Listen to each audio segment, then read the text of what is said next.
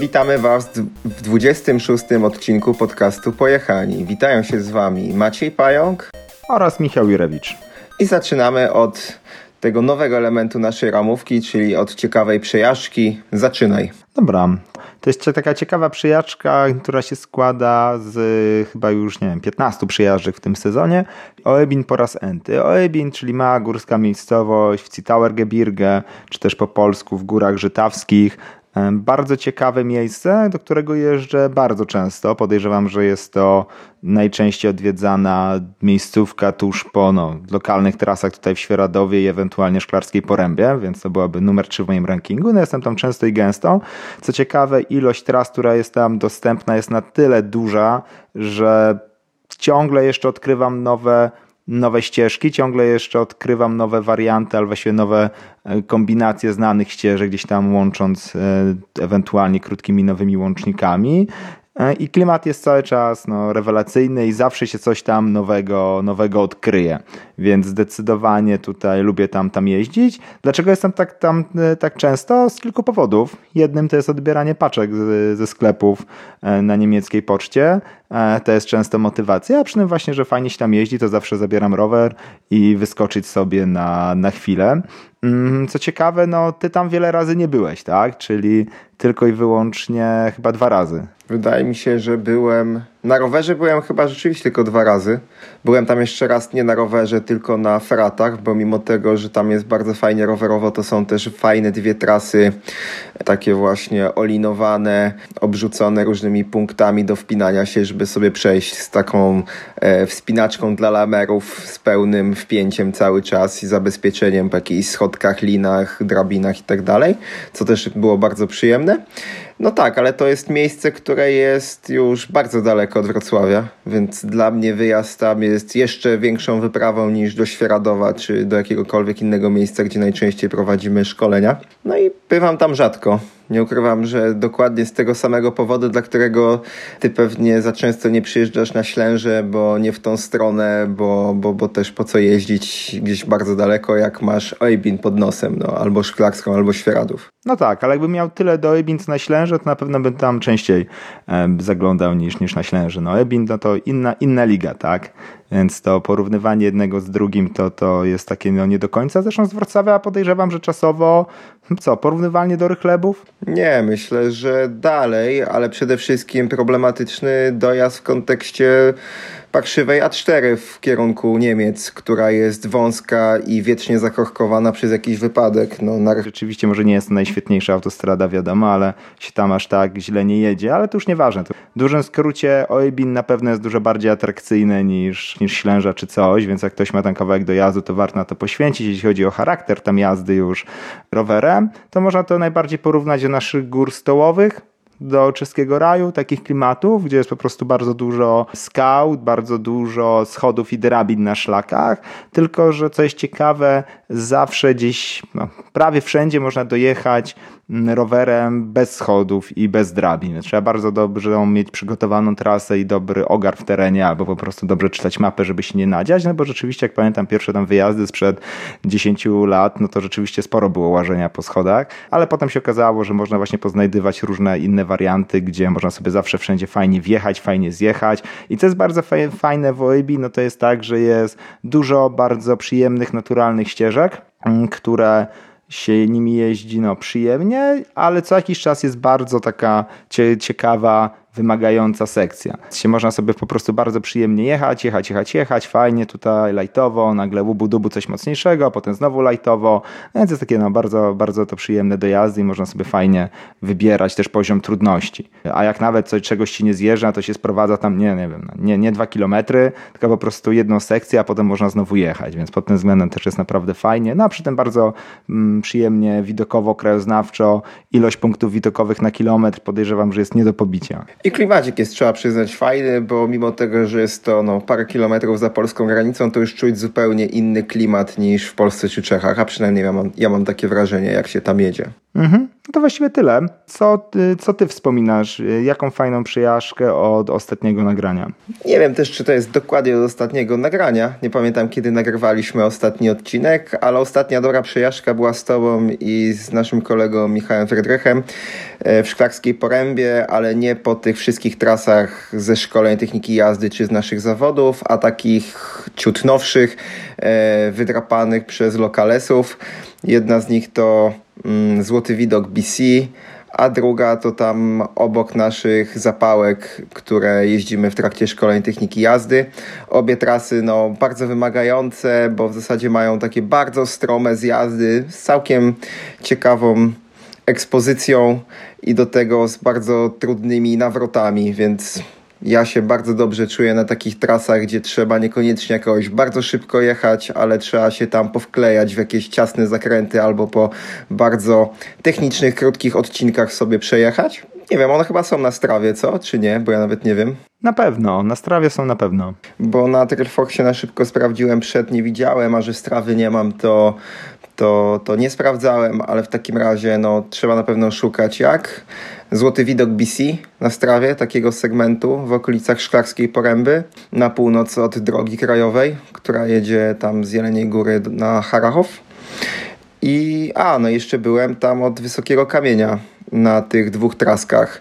Jedna na północ, druga na południe też takich świeżych, e, tak naprawdę z wysokości Czarnej Góry, która jest takim malusieńkim, malusieńką bambułą przed e, wysokim kamieniem, jadąc od zakrętu śmierci żółtym szlakiem do góry.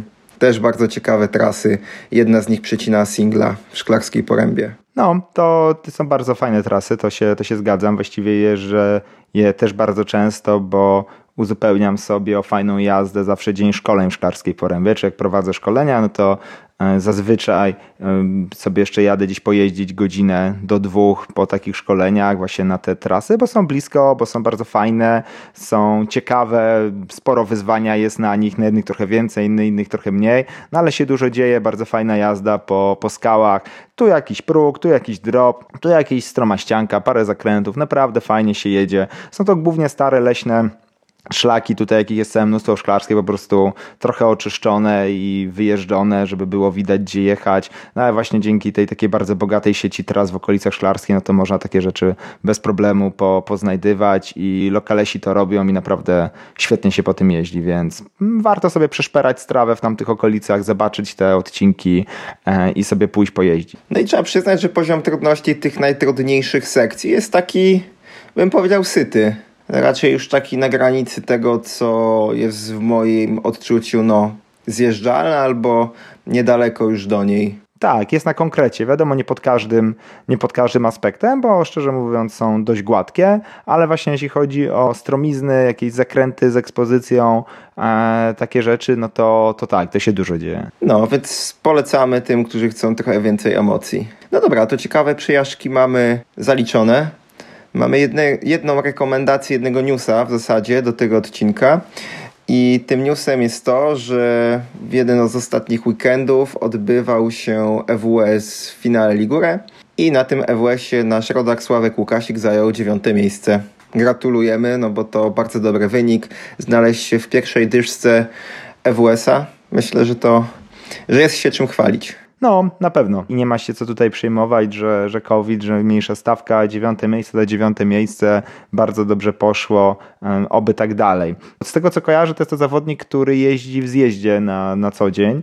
E, to jakiś taki y, mocny switch już na stałe, czy jednorazowa akcja? Trzeba przyznać, że ja nie śledzę jakoś bardzo w ogóle tematów zawodniczych. Po prostu na Facebooku do mnie to dotarło jako no, wydarzenie na skalę polskiego MTB.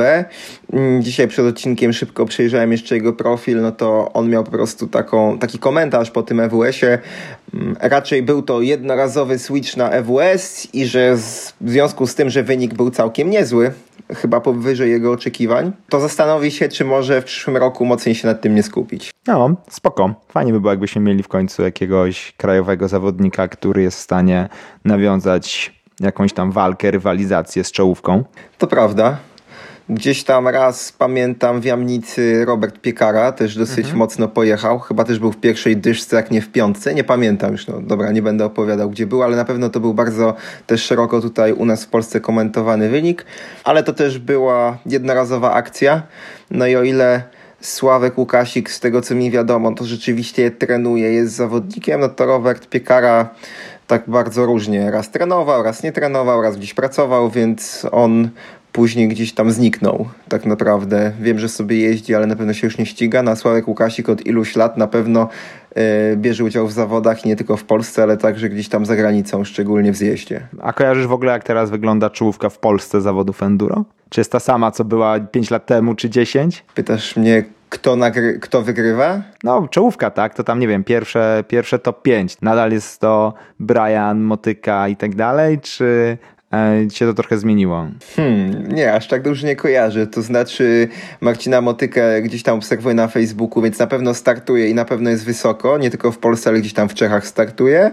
E, no Mariusz Breja, czyli Brian, on prawie w ogóle chyba nie startuje, więc, e, więc chyba ciężko powiedzieć, żeby, żeby był w czołówce, bo nie kojarzę, żeby, żeby w tym roku startował, chociaż on w zeszłym roku właśnie jakieś EWS-y jeździł i tak dalej. No. Romek Kwaśny wiem, że dalej jeździ i się ściga, ale szczerze mówiąc inne nazwiska to nie wiem, no, czy, czy są te same. No. To bardziej po prostu kojarzę te zawody enduro z tego, te polskie, że ktoś ze znajomych, typu właśnie Brian, Tomek, Dębiec, Robek Kwaśny, na jakiś wystartuje i coś wrzuci z tych zawodów, że wygrał albo że byli gdzieś tam no, z przodu, ale to znowu później pojęcia nie mam, jak to wygląda na innych miejscach na tej pierwszej, w tej pierwszej piątce. No i to, że to się wszystko tak rozczłonkowało, to teraz nawet w ogóle nie wiadomo, gdzie, gdzie sprawdzać. Ale o tym już nagrywaliśmy odcinek e, a propos stanu zawodów, wyścigów enduro w Polsce, że to się trochę tak pozwijało albo przynajmniej bardzo mocno rozdrobniło. E, no ale jak wrzuciłeś taką rekomendację zawodniczą, to myślałem, że może jakoś wiesz, no, śledzisz na bieżąco i dokładnie wiesz co, co i jak. Na przykład w ogóle do, do mnie ten news w ogóle nie dotarł, dlatego myślałem, że może masz jakieś takie porządne źródła informacji tam na bieżąco przeglądasz, ale okej, okay, to Widzę, że też tak po prostu z przypadku. Nie, nie, to bardziej jako taka ciekawostka gdzieś po prostu mi się wyświetliła, na którą zwróciłem uwagę, ale bardzo głęboko nigdy tam w to nie wchodzę. Mhm. Bo trzeba przyznać, że EWS-y to lubiłem śledzić. Teraz jakoś ostatnio rzadziej, bo też mało było do śledzenia, jak wszystko odwołali, ale slideshowy na Vitalu i te relacje się bardzo fajnie przeglądało, więc swego czasu byłem bardziej na bieżąco. Teraz trochę mniej. No, tak, tak właściwie nie było co śledzić przez jakiś czas, więc to też dlatego, ale jak już to zdecydowanie EWS, a nie tutaj nasze domowe podwórko. No to mnie zupełnie te EWS-y też omijały. Nie miałem zielonego pojęcia, dlatego też to nasza dyskusja przed odcinkiem w kontekście w ogóle przeglądania tych wyników i czy tam było więcej, czy mniej zawodników i tak dalej, bo ja zupełnie nie miałem pojęcia. Mhm. E, dwa pierwsze etapy naszej ramówki mamy za sobą i możemy przejść do głównego tematu odcinka. Ja tu takie zrobię szybkie wprowadzenie, że będzie to temat związany no, z powstawaniem tras rowerowych. To będzie już czwarty e, odcinek dotyczący tych tras. Mm, bo pierwszy, dziesiąty, znaczy pierwszy odcinek o budowaniu tras zaczynamy od dobrego pomysłu. Rozpoczęliśmy w odcinku dziesiątym, następny w trzynastym pod nazwą Czasami trzeba się spotkać. W siedemnastym koncepcja to taki sprecyzowany pomysł, a dzisiaj mamy temat dotyczący projektowania tras rowerowych. Tak, czyli ten ostatni e, dokumentacyjny krok przed e, ruszeniem z łopatami w teren, tak? Zanim po prostu przygotowanie tej dokumentacji wykonawczej projektu przed ruszeniem w teren i już wykonywania docelowej trasy. Jakbyś miał powiedzieć, tak w skrócie najbardziej, czym jest ten projekt i co w sobie zawiera? Tak, w skrócie, ale czyli nie w technicznym językiem po kolei wymienić, y, co tam jest.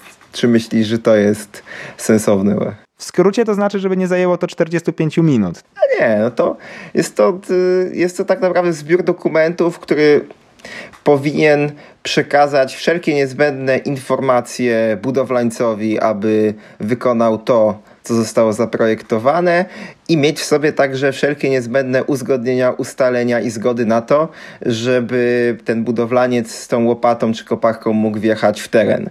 I na to się składa projekt budowlany, projekt wykonawczy, taka szczegółowa specyfikacja techniczna wykonania robót, kosztorysy, no i też zaznaczenie tej trasy w terenie, czyli odpowiednie zaznaczenie niwelety, czyli krawędzi, ścieżki w terenie to jest taki no, zbiór takich dokumentów i elementów, które no, nie tylko są jakby w tej mm, papierowej formie, ale także coś zostaje w terenie przy takim projekcie. No tak, i to jest coś, co może być dość zaskakujące, jak ktoś e, nie ma w tym doświadczenia, że rzeczywiście nie jest to tylko papier, książka opasła, w której są tylko i wyłącznie rysunki i mapa, ale zostaje to również e, zaznaczone w terenie, co ma swoje oczywiste zalety, takie, że jest to zaznaczone w terenie i wykonawca może sobie już no, e, ruszyć, ma e, z pracami, ma dużo mniejsze tutaj też pole do odchodzenia od tej niwelety, skoro jest wyznaczona, jednak jednocześnie było to z naszego doświadczenia dużym wyzwaniem w momencie, kiedy ten proces od projektu do realizacji był bardzo długi, no bo co by tu dużo mówić, po dwóch, trzech latach już nic z tej zaznaczonej niwelety w lesie nie zostawało, albo bardzo, bardzo niewiele, więc na przykład ten etap trzeba było robić e, kilkukrotnie. E, więc tutaj są też różne pomysły inne, czyli na przykład bardzo precyzyjne, geodezyjne wyznaczenie e, niweleta, potem je odtwarzanie, co oczywiście też niesie za sobą e, inne problemy, bo dużo dłużej się to najpierw zbiera z terenu, a potem dużo dłużej się też odznacza. Mm, no ale tak, jest, jest ta praca w terenie już na tym etapie bardzo precyzyjna i rzeczywiście się kładzie tą ścieżkę w lesie z dokładnością tam do kilkunastu centymetrów, ewentualnie kilkudziesięciu, czyli jest tam już ta spora, spora, spora dokładność. Mm, jeśli chodzi też o sam projekt, to trzeba przyznać, że największym zazwyczaj jest problemem to, że tym projektem się nikt nie przejmuje. To tak można powiedzieć już z doświadczenia, to więcej powiemy, jeśli chodzi o, o wykonaniu. Więc jeśli dla nas, przynajmniej dla mnie największym było problemem to, żeby tak wyważyć to, co jest w tym projekcie, żeby rzeczywiście to było w miarę szybkie do przygotowania, w miarę czytelne, niezbyt szczegółowe, jednak jednocześnie wystarczająco szczegółowe, żeby nie powstał jakiś gniot i jednak takie dostępne, żeby jednak było się z tym stanie łatwo zapoznać i łatwo zrozumieć, tak? Bo, nie, bo jak się zrobi to zbyt szczegółowo, zbyt pogmatwane i zbyt dokładne, to bardzo często po prostu już potem na etapie realizacji się stwierdzi, ok, dobra, nie warto tego czytać i, i nikt się tym nie, nie przejmował. E, zresztą jest taka naprawdę dość mocna dyskusja w tym środowisku rowerowym, tych, te, takiego archetypu trailbuildera, na ile projekt jest w ogóle konieczny, na ile być, powinien być szczegółowy, tak? Dużo tutaj trailbuilderów, z którymi się w ogóle nie zgadzamy, w ogóle uważa, że projekt jest jest zupełnie niepotrzebny i tak naprawdę to trail builder powinien sobie pójść w swojej flanelce i tam gołymi rękami grabiami liście przesuwać z lewa na prawo i trasa gotowa, tak? I że trasa to jest wizja e, trail buildera. Trzeba przyznać, że tego podejścia e, szczerze mówiąc bardzo, bardzo nie lubię, bo jest takie no właśnie szybko na odwal dla siebie i tak dalej, więc ten projekt uważam, że jest bardzo fajny, bo pozwala zanim wbijemy tą łopatę znaleźć jakiś taki ogólny ogar całego pomysłu na te trasy i ewentualnie dostrzec jakieś problemy, które przed nami, czeka, przed nami czekają, zanim już będziemy, nie wiem, no, w połowie wykonywania trasy. No i też jest to niezbędna rzecz ze względów formalnych. Dokładnie. Myślę, że e, tutaj można by było tak naprawdę trochę powiedzieć, jak wygląda taki przebieg projektowania, bo to by mogło trochę rozjaśnić, e, co na którym etapie się robi, jak to, jak to wygląda po kolei. W ostatnim odcinku, w którym o tym rozmawialiśmy, rozmawialiśmy o koncepcji i tam zwracaliśmy uwagę, no, że koncepcja to jest przede wszystkim takie sprecyzowanie pomysłu, przekazanie założeń, trudności, charakteru tras, pewnych, pewnych rozwiązań, dokąd ona ma docierać, jakie ma problemy rozwiązać lub co ma umożliwić. Mm, I tam są dopiero też wstępne długości podane. No i dopiero jak taka koncepcja jest, no to można zacząć i ona jest zaakceptowana, to można zacząć w ogóle wyznaczać dokładne przebiegi. No i zaczyna się tak naprawdę od tego, że po prostu tych korytarzach wyznaczonych w trakcie, w trakcie koncepcji, czyli w takich 20, 30, nawet 50 metrowych korytarzach w lesie, czy tam w terenie, wyznacza się już tą krawędź trasy. Na początku wyznacza się tak naprawdę tak zwane doły i góry odwróceń nachylenia, bo ta trasa nigdy sobie nie jedzie taką proste, takim prostym strzałem przez las, przez kilkaset metrów, tylko cały czas musi się gdzieś tam wić między drzewami, wznosić się i opadać. Więc najpierw się te właśnie doły i góry odwróceń nachylenia wyznacza. Wtedy też się wyznacza już wstępnie jakieś na przykład przeszkody. Jeżeli wiemy, że ta trasa ma być na przykład trasą, nie wiem, z przeszkodami typu stoliki, dable i inne takie elementy do skakania, no to od razu się szuka tych miejsc, gdzie jest odpowiednio przebieżny las, jest dużo miejsca, będzie odpowiednia prędkość na dojeździe i wtedy także wstawia się, już planuje tego typu feature'y na trasie. Na tym etapie też już się wstępnie tak naprawdę wymyśla rozwiązania techniczne mm, na danym segmencie, to znaczy, żeby tutaj zdefiniować. Najpierw jak wyznaczamy te góry i doły odwróceń nachylenia, to można sobie to wyobrazić, że te flagi są wbijane co kilka dobrych metrów, od nie wiem, od co dwóch do co dziesięciu, nawet piętnastu metrów wymyśla się już na tym etapie, albo tak naprawdę decyduje, jaką techniką będzie wybudowana ścieżka. Czy na przykład w terenie płaskim będzie to ścieżka, która będzie wyniesiona ponad grunt, czy będzie to ścieżka gdzieś tam mocno wkopana w zbocze, bo jest stromo.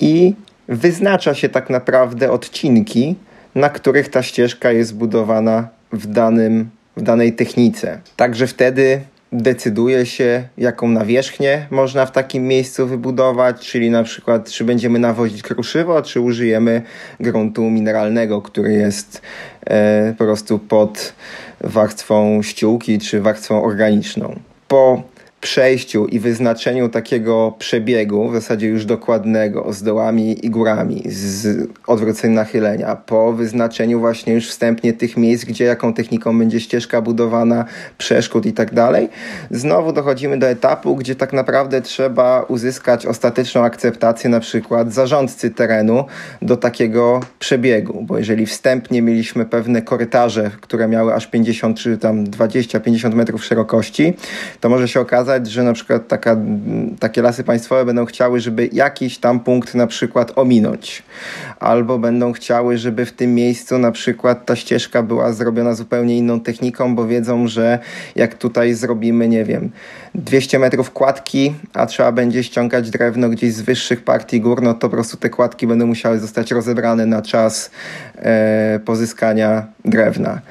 E, więc wtedy tak naprawdę jeszcze raz często przechodzi się te trasy z osobami odpowiedzialnymi po stronie lasów państwowych czy zarządców terenu, żeby zaakceptowały ten przebieg.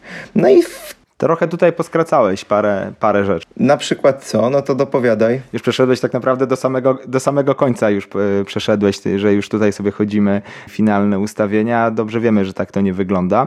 Mm, no bo tak, no przede wszystkim jak wystawia, jak sobie powiedziałeś, że wyznaczamy flagami wbijanymi w ziemię dokładny przebieg, starając się tam określić możliwe rozwiązania budowlane, tak żeby zapobiegać erozji, stworzyć trasę o zakładanych e, aspektach zgodnie z koncepcją, mm, ale przede wszystkim, no jak to, co to znaczy, że to sobie wyznaczamy, tak? To sobie, bo tutaj jest ważna ważny punkt zbierania tych informacji, czyli tak naprawdę jak sobie to e, wyznaczamy, no to wbijamy jakiś kołek w tą niweletę, tak, z numerem, przypisujemy temu numerowi w bazie danych odpowiednie atrybuty. I tutaj właśnie jest to rozwiązanie techniczne e, zakładane ewentualnie jakieś dodatkowe komentarze, czy kładka, czy ścieżka podniesiona, czy zakręt wyprofilowany, czy płaski. I bardzo ważne jest to, żeby zbierać te informacje. Nawet warto sobie tutaj też do takiej informacji zawsze przypisać zdjęcie. Tutaj nawiązując do tego, e, że często od projektowania do wykonania minie trochę czasu i czasami trzeba będzie sobie przypomnieć, gdzie to dokładnie miało być, jak to wyglądało, jakie były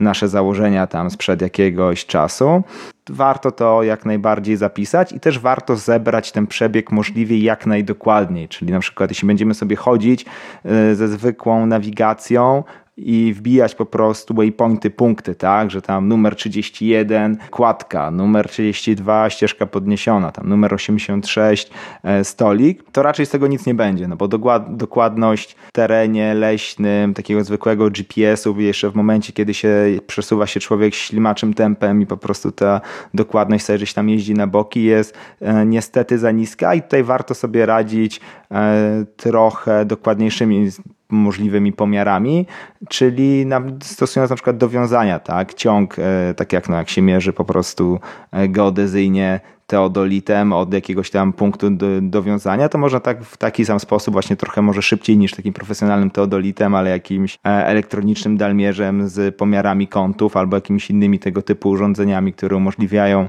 pomiar odległości i kątów pomiędzy dwoma punktami i właśnie rzeczywiście tą całą niweletę, punkty tej niwelety możliwie jak najdokładniej pozbierać, bo wtedy będzie też dużo szybciej nałożyć to na mapy, tak? Bo to też kolejna rzecz, która jest przed tym, zanim się zacznie przechodzić tymi osobami już potem na finalne decyzje. No to po prostu trzeba te informacje nanieść na mapę, nawet jeśli te informacje na początku są głównie tym dokładniejszym przebiegiem. Nawet jeśli na tych mapach jeszcze nie ma tych informacji o planowanych rozwiązaniach budowlanych, tylko jest to kwestia dokładnego przebiegu, no to bez map się nie obejdzie, tak? Jak się kogoś chce się zaprosić na, e, do, na dokładne przejście, na przykład kogoś z nadleśnictwa, czy na przykład kogoś tam e, ze strony inwestora, no to bez wcześniej przygotowanej, dokładnej mapy z tym przebiegiem się, się nie obejdzie, więc oprócz tego, że ten przebieg jest widoczny w terenie, no to też musi być na, na mapie już z jakąś tam podstawową dokumentacją. No tak, ja szczerze mówiąc chciałem przejść do pewnego, wiesz, później do narzędzi i trochę wyjaśnić, co po kolei się jakimi narzędziami robi, a tu chciałem trochę szybciej przejść po kolei przez jakieś takie etapy. Ale tak, rzeczywiście na etapie wyznaczania przebiegu trzeba pozbierać te, te dane. I tak naprawdę no, do podstawowym jeszcze narzędziem, które używamy w trakcie wyznaczenia dokładnego przebiegu jest klinometr. Jeszcze zanim tak naprawdę pomierzymy wszystko, mm, to jest bardzo istotne, aby trzymać się odpowiednich założeń e, nachyleń danej trasy, czyli każde tak naprawdę odwrócenie nachylenia, każdy krótki odcinek ścieżki, taki kilkumetrowy, musi być zmierzony jeszcze klinometrem, czyli po prostu takim urządzeniem, które mierzy nam nachylenie, tak, żebyśmy na przykład nie zrobili za stromego podjazdu, za stromego zjazdu, lub po prostu, żeby same te odwrócenia nachylenia nie były na przykład zbyt strome, niemożliwe później do podjechania, albo po prostu niepłynne do, do przejechania. Mm, to podsumowując, tak naprawdę można powiedzieć, że jest dużo szczegółów, tak? I nie można sobie czegoś tutaj e, już na tym etapie założyć, że a jakoś tam będzie od tego do tego drzewa i, i tyle. Tylko jest jest dużo pomiarów, każdy metr trasy jest w jakiś tam sposób zmierzony pod kątem trzymania założonych parametrów, e, czy są to parametry wynikające z trudności trasy, czyli na przykład maksymalne i średnie nachylenie, e, czy są to parametry bardziej uniwersalne, na przykład pod kątem erozji, czyli żeby nachylenie nie przekraczało połowy nachylenia stoku. Jeśli się od tego odchodzi, to jakie się tutaj mm, dobiera rozwiązania, które będą niwelować erozję, jeśli przekraczamy właśnie połowę nachylenia stoku i tak dalej, i tak dalej. I tutaj na, na fazie projektowej już jest szczególarstwo, tak? Czyli co tu mo może, możemy powiedzieć, że się człowiek przesuwa w tym lesie z prędkością 100 metrów na godzinę. I, więc ponieważ jest właśnie dużo tych postojów i, i rozkmin, więc no trzeba być tutaj, tym mocno się trzymać szczegółów, tym bardziej będzie się tutaj do, dokładnie zrobić ten projekt, tym będzie potem łatwiej uniknąć jakichś problemów w trakcie realizacji. No tak, i tutaj ja skończyłem swoją opowieść o tym, że przechodzi się to jeszcze raz z inwestorem, czy na przykład zarządcą terenu, który no, wydaje taką ostateczną zgodę jeszcze na ten dany odcinek, czy na tą dany przebieg trasy. No i tutaj tak naprawdę też jest pełno papierologii w tym, na tym etapie, no bo trzeba albo uzyskać niezbędne zgody do tego, aby ten przebieg w danym miejscu mógł się znaleźć. Trzeba także gdzieś tam być pewnym pośrednikiem między inwestorem a na przykład zarządcą terenu w kontekście e, podpisania umów dzierżawy, bo najczęściej to w Polsce wyglądało tak, że inwestor, czyli gmina, dzierżawiła taki no, metrowy pasek terenu od nadleśnictwa, aby móc wybudować tą trasę na dzierżawionym terenie, czyli to musiało być tak naprawdę jeszcze zrobione na etapie projektu. Stąd właśnie było bardzo istotne, aby te przebiegi były bardzo dokładne, jeśli chodzi o przebieg w terenie, ale jeśli chodzi też tego później odzwierciedlenie na mapie i w jakichś tam plikach wektorowych, które służyły później do e, chociażby podpisania umowy, bo były załącznikiem do tego. No i później jeszcze trzeba tak naprawdę albo gdzieś tam równolegle zrobić dokładne pomiary, no bo oprócz tego, że wyznaczyliśmy tą trasę, wskazaliśmy punkty, z których się gdzieś zaczynają te, te, te nowe segmenty czy nowe elementy na trasie, no to tak naprawdę równolegle, ale w zasadzie jeszcze przed tym, jak dostaniemy te zgody, no to trzeba, trzeba zrobić dokładne pomiary, o których już wspominał Michał. My do tego na sam koniec używaliśmy takiego fajnego urządzenia, które było dalmierzem laserowym, ultradźwiękowym, przy okazji kompasem i klinometrem i było w stanie nam bardzo dokładnie e, zmierzyć punkt po punkt trasę.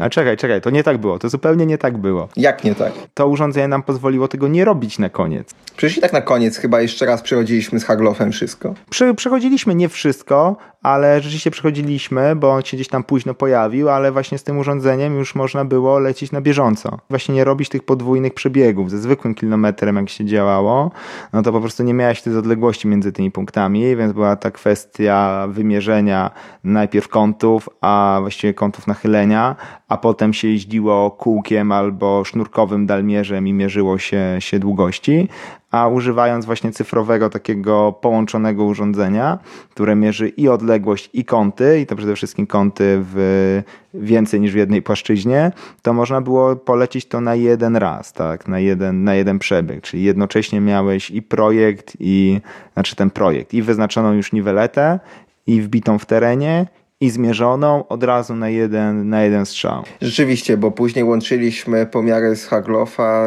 razem z aplikacją, tak, którą przygotowałeś do mm, wprowadzania tych segmentów i rozwiązań. Dzięki temu można było sobie uniknąć właśnie robienia czegoś tam dwa czy trzy razy, bo tak jak mówiliśmy, to się wszystko super powoli przesuwa w terenie, tym można mniej w tym terenie spędzić, tym lepiej, a przede wszystkim nawet nie jest to kwestia czasu, a kwestia chodzenia kilka razy w to samo miejsce.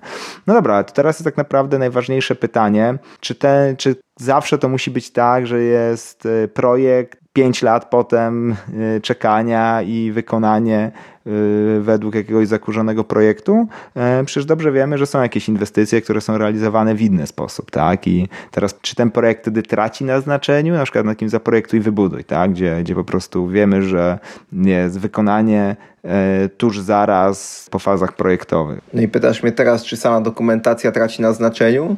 Czy warto jej nie robić? Tak, dokładnie. Myślę, że w pewnym stopniu można ją uprościć, ale ona nie traci tak naprawdę na znaczeniu, bo jest niezbędna po pierwsze do tego, aby E, móc rozpocząć jakiekolwiek prace budowlane w terenie, no bo są instytucje w naszym kraju, które no muszą wydać zgodę na to, aby zacząć prace budowlane, albo po prostu nie zgłosić sprzeciwu do rozpoczęcia prac budowlanych i w obu tych przypadkach jest niezbędna dokumentacja, która wskaże jakimi technikami, jak, co, gdzie będzie to robione. To jest pierwsza rzecz.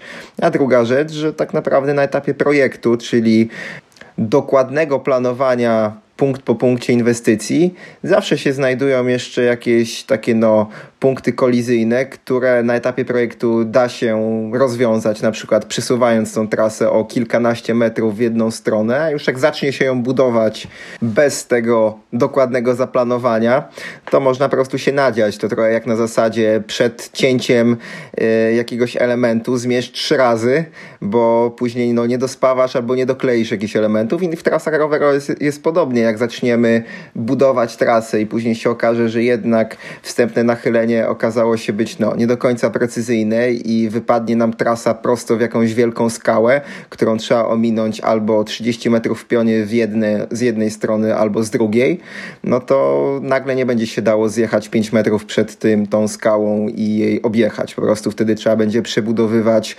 e, no, kupę trasy wcześniej i mimo. Albo trasa będzie do luftu, tak? Albo trasa będzie do luftu. I tak naprawdę nawet na etapie projektowym, nie na etapie projektowym, tylko na etapie budowy po dokładnym projekcie, choć, chociażby w Kaczawach, gdzie mm, nadleśnictwo raz tam zapowiedziało, że na pewno załatwi przejazd 30 metrów przez prywatną działkę. Okazało się, że na etapie budowy zmienił się, już jakby na etapie budowy albo bezpośrednio przed nim zmienił się właściciel, nie pozwolił przejechać przez prywatną działkę. Budowlańcy dociągnęli trasę do tej działki, a później my ją musieliśmy przeprojektowywać i budowlańcy musieli chyba na nowo budować, nie wiem, no spokojnie z 500 albo 600 metrów e, nowej nitki, zasypując starą nitkę. A, to jest najmniejszy problem, to, że tam pobudowali. Chciałem do tego dotrzeć, że największym problemem było to, że cała jakby jeszcze e, idea się rypła, bo był fajny, długi, spokojny zjazd do, w kierunku wioski. Ostatnie tam, nie wiem, 10 metrów w pionie już było drogą e, taką jakąś tam polną w dół, a z tej zmiany wyszło, że jest ostatnie 100 metrów w dół polną drogą i nie ma żadnego sensownego zjazdu tak naprawdę przyjemnego na koniec trasy, czyli jakby cały charakter trasy, który był zaplanowany, po prostu poszedł się, brzydko mówiąc, paść. Więc e, to, to pokazuje, że ten etap projektowy jest ważny i to nieważne, czy robimy sobie e, tą trasę dla siebie gdzieś tam na własnym poletku, czy jest to wielki projekt, robiony najpierw projekt, potem wykonanie, czy jakieś zaprojektuj, wybuduj. Jedyne, co się zmienia, no to ewentualnie ilość tej papierologii i ta finalna forma, tak? Czy po prostu jeśli jest tak, tak, że pomiędzy projektowaniem a wykonaniem jest względnie e, mało czasu albo jest tuż jedno po drugim, no to po prostu ta opasła książka projektowa może być dużo, dużo mniejsza, tak, i trochę bardziej skrótowo opisana, ale jeśli chodzi o sam fakt przejścia tego, dokładnego wymierzenia, wszelakich pomiarów, ciągłego sprawdzania, czy się to jakkolwiek zgadza z założeniami, tego lepiej nie uniknąć, bo właśnie można bardzo łatwo się tutaj wprowadzić w jakieś e, kijowe sytuacje, gdzie potem będzie więcej roboty albo trasa będzie, będzie do bani. Więc zdecydowanie, nawet jeśli to robimy tylko i wyłącznie gdzieś tam dla siebie, u siebie, to dobrze jest tego nie pomijać i zrobić sobie jakąkolwiek taką uproszczoną dokumentację, nawet jeśli to będzie mała mapa 4 i tam nie wiem, parę spisów, co gdzie, parę punktów spisanych, co gdzie będzie wykonane. E, jeśli w ogóle nie zamierzamy tego projektować, ale na przykład rozmawiamy z jakąś tam gminą e, jako potencjalnym inwestorem, czy by czegoś nie wybudowali, to też warto ich uprzedzić, że, że to nie jest tam takie hop tylko rzeczywiście trzeba tą dokumentację przygotować e, dokładnie na bazie też dobrej koncepcji, tak żeby potem wykonanie tego było odpowiednio dobre, że tutaj się nie, na tym punkcie nie, nie, nie wywalić, nie potknąć i nie wywalić. E, a niestety często jest to dość pomijany etap, bo już by się wydawało, że ok, mamy koncepcję, mamy wstępne przebiegi, mamy wstępne akceptacje, to, to, to z łopatami do lasu, lepiej sobie jeszcze dać właśnie ten jeden, jeden krok na weryfikację. No tak, jak przy, pokazuje właśnie ten przykład tras dwa, trasy dwa wąwozy w Górach Kaczawskich. Ostatnie 500 metrów trasy które jest zrobione w zasadzie niezgodnie z pomysłem i projektem, jeśli chodzi o przebieg, zupełnie burzy jakiekolwiek pozytywne odczucia z jazdy, bo myślę, że to jest taki dosyć dobry przykład, gdzie z naprawdę ciekawej trasy i przyjemnej zrobiła się taka no, końc z końcówką bardzo słabą i nieprzyjemną tak naprawdę. No jest to rzeczywiście idealny przykład na to, że e, projekt był tutaj na to miejsce nie, nie, nie przygotowany, tak? I znaczy był przygotowany na finalny przebieg i były finalne zgody, które potem po prostu zostały cofnięte i niestety e, pomimo, że projekt uwzględniał ten odcinek, to jednak no, finalnie nie uwzględniał, no ale e, to ze względu na bardzo mocną zmianę założeń. I to też jest dobra nauczka na przyszłość i też taka lekcja dla tych, którzy nas słuchają, że jeśli nawet jest taki nastrój, że a, że tutaj jest jakiś tam teren prywatny, właściciel na pewno wyrazi zgodę albo nie będzie robił problemów,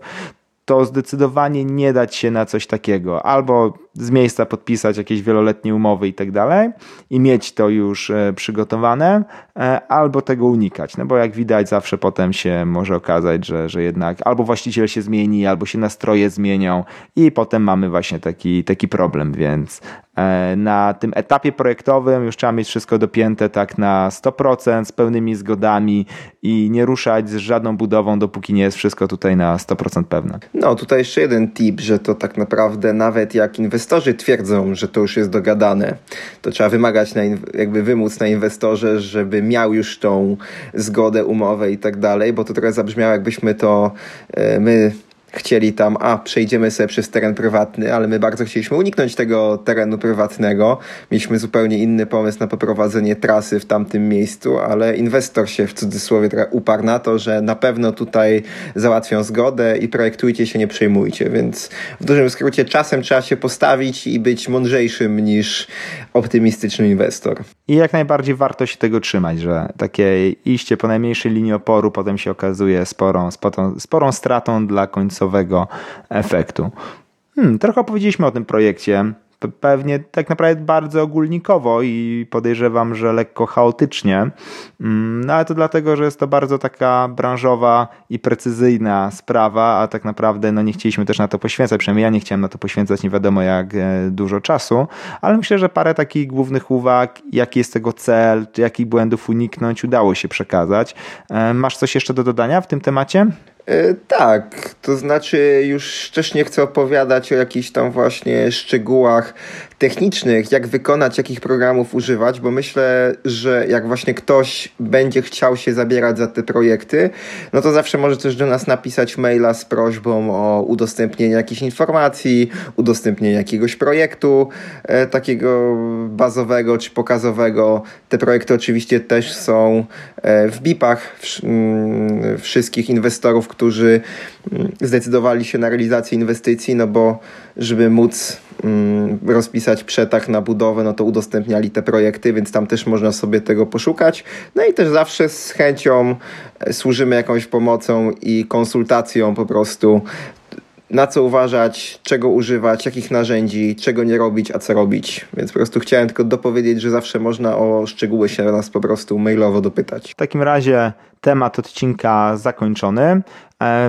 Przed, to była przedostatnia część naszego cyklu od pomysłu do wykonania. Przed nami, pewnie nie w następnym odcinku, ale już niedługo, e, ostatnia część, jaką sobie zaplanowaliśmy w tej serii, czyli faza wykonania trasy. Słuchajcie, subskrybujcie nasz podcast. Kiedyś nagramy, kiedyś opublikujemy, więc. E, może spokojnie kiedyś to usłyszycie. Teraz sobie przechodzimy do naszego kolejnego punktu w ramówce. Pytanie od słuchacza, jakie dostaliśmy ostatnio. Ostatnio dostaliśmy parę właśnie pytań, trochę się nasi słuchacze e, uaktywnili po poprzednim odcinku, czy na dwóch poprzednich. I pytanie, jakie dostaliśmy tutaj od Grzegorza, czy mamy jakieś swoje rytuały przedjazdowe? Potem jeszcze zapytałem, czy chodzi o rytuał przedjazdowy przed krótszym, e, czy przed dłuższym wyjazdem. Okazało się, że jak najbardziej w obu kontekstach.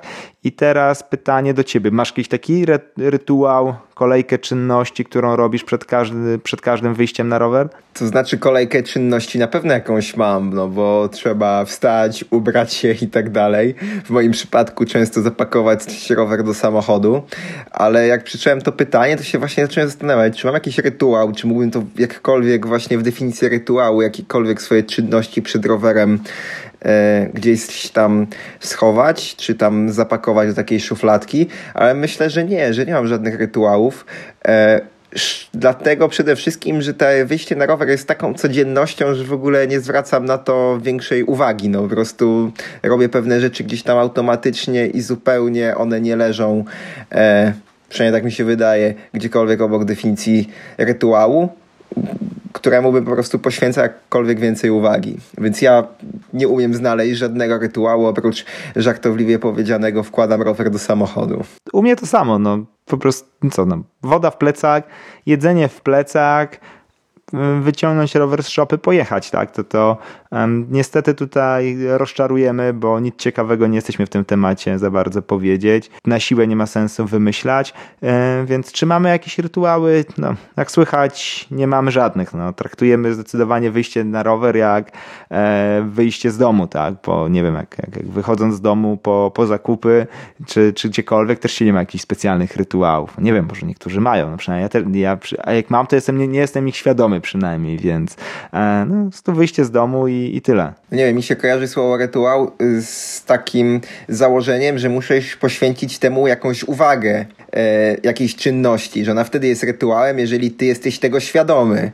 No, ja przed, przed nim, tak, przed niczym tak naprawdę chyba nie mam jakichś większych rytuałów, więc, więc, więc nie, ale zakładam, że mogą być ludzie, którzy na przykład, nie wiem, zawsze sobie sprawdzają jakoś tam rower na przykład, napęd, smarują łańcuch i traktują to jako taki rytuał, bo poświęcają na to czas i uwagę. Więc jeżeli wy, nasi słuchacze, macie jakieś rytuały albo jakieś czynności po prostu traktujecie jak, jako rytuały, no to y, z chęcią się dowiem. I myślę, że z chęcią się dowiemy razem z Michałem.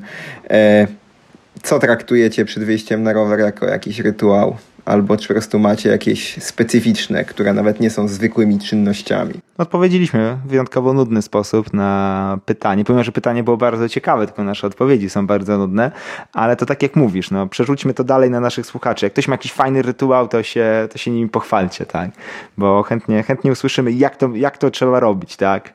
Czego nie robimy, a powinniśmy zrobić. Doszliśmy do końca naszego 26 odcinka podcastu Pojechani.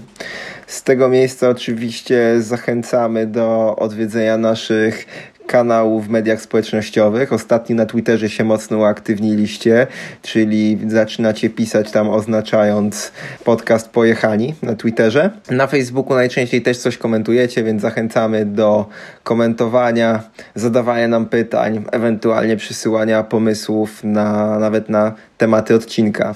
Straszny suchar nam wyszedł. Miejmy nadzieję, że się nie udławią nasi słuchacze tym sucharkiem e, i może się uda coś ciekawszego rzeczywiście nagrać od e, przyszłego odcinka. Jedyna nadzieja w tym, że ktoś jednak wyciągnie parę ciekawych i przydatnych dla niego informacji z, z tego tematu odcinka. To co? Do zobaczenia na trasie przy najbliższej okazji do usłyszenia w następnym odcinku Pojechanych. Jeżeli nie jesteście na rowerze, to weźcie go, wyciągnijcie szopy z auta lub z innego miejsca i idźcie pojeździć. Na razie, cześć.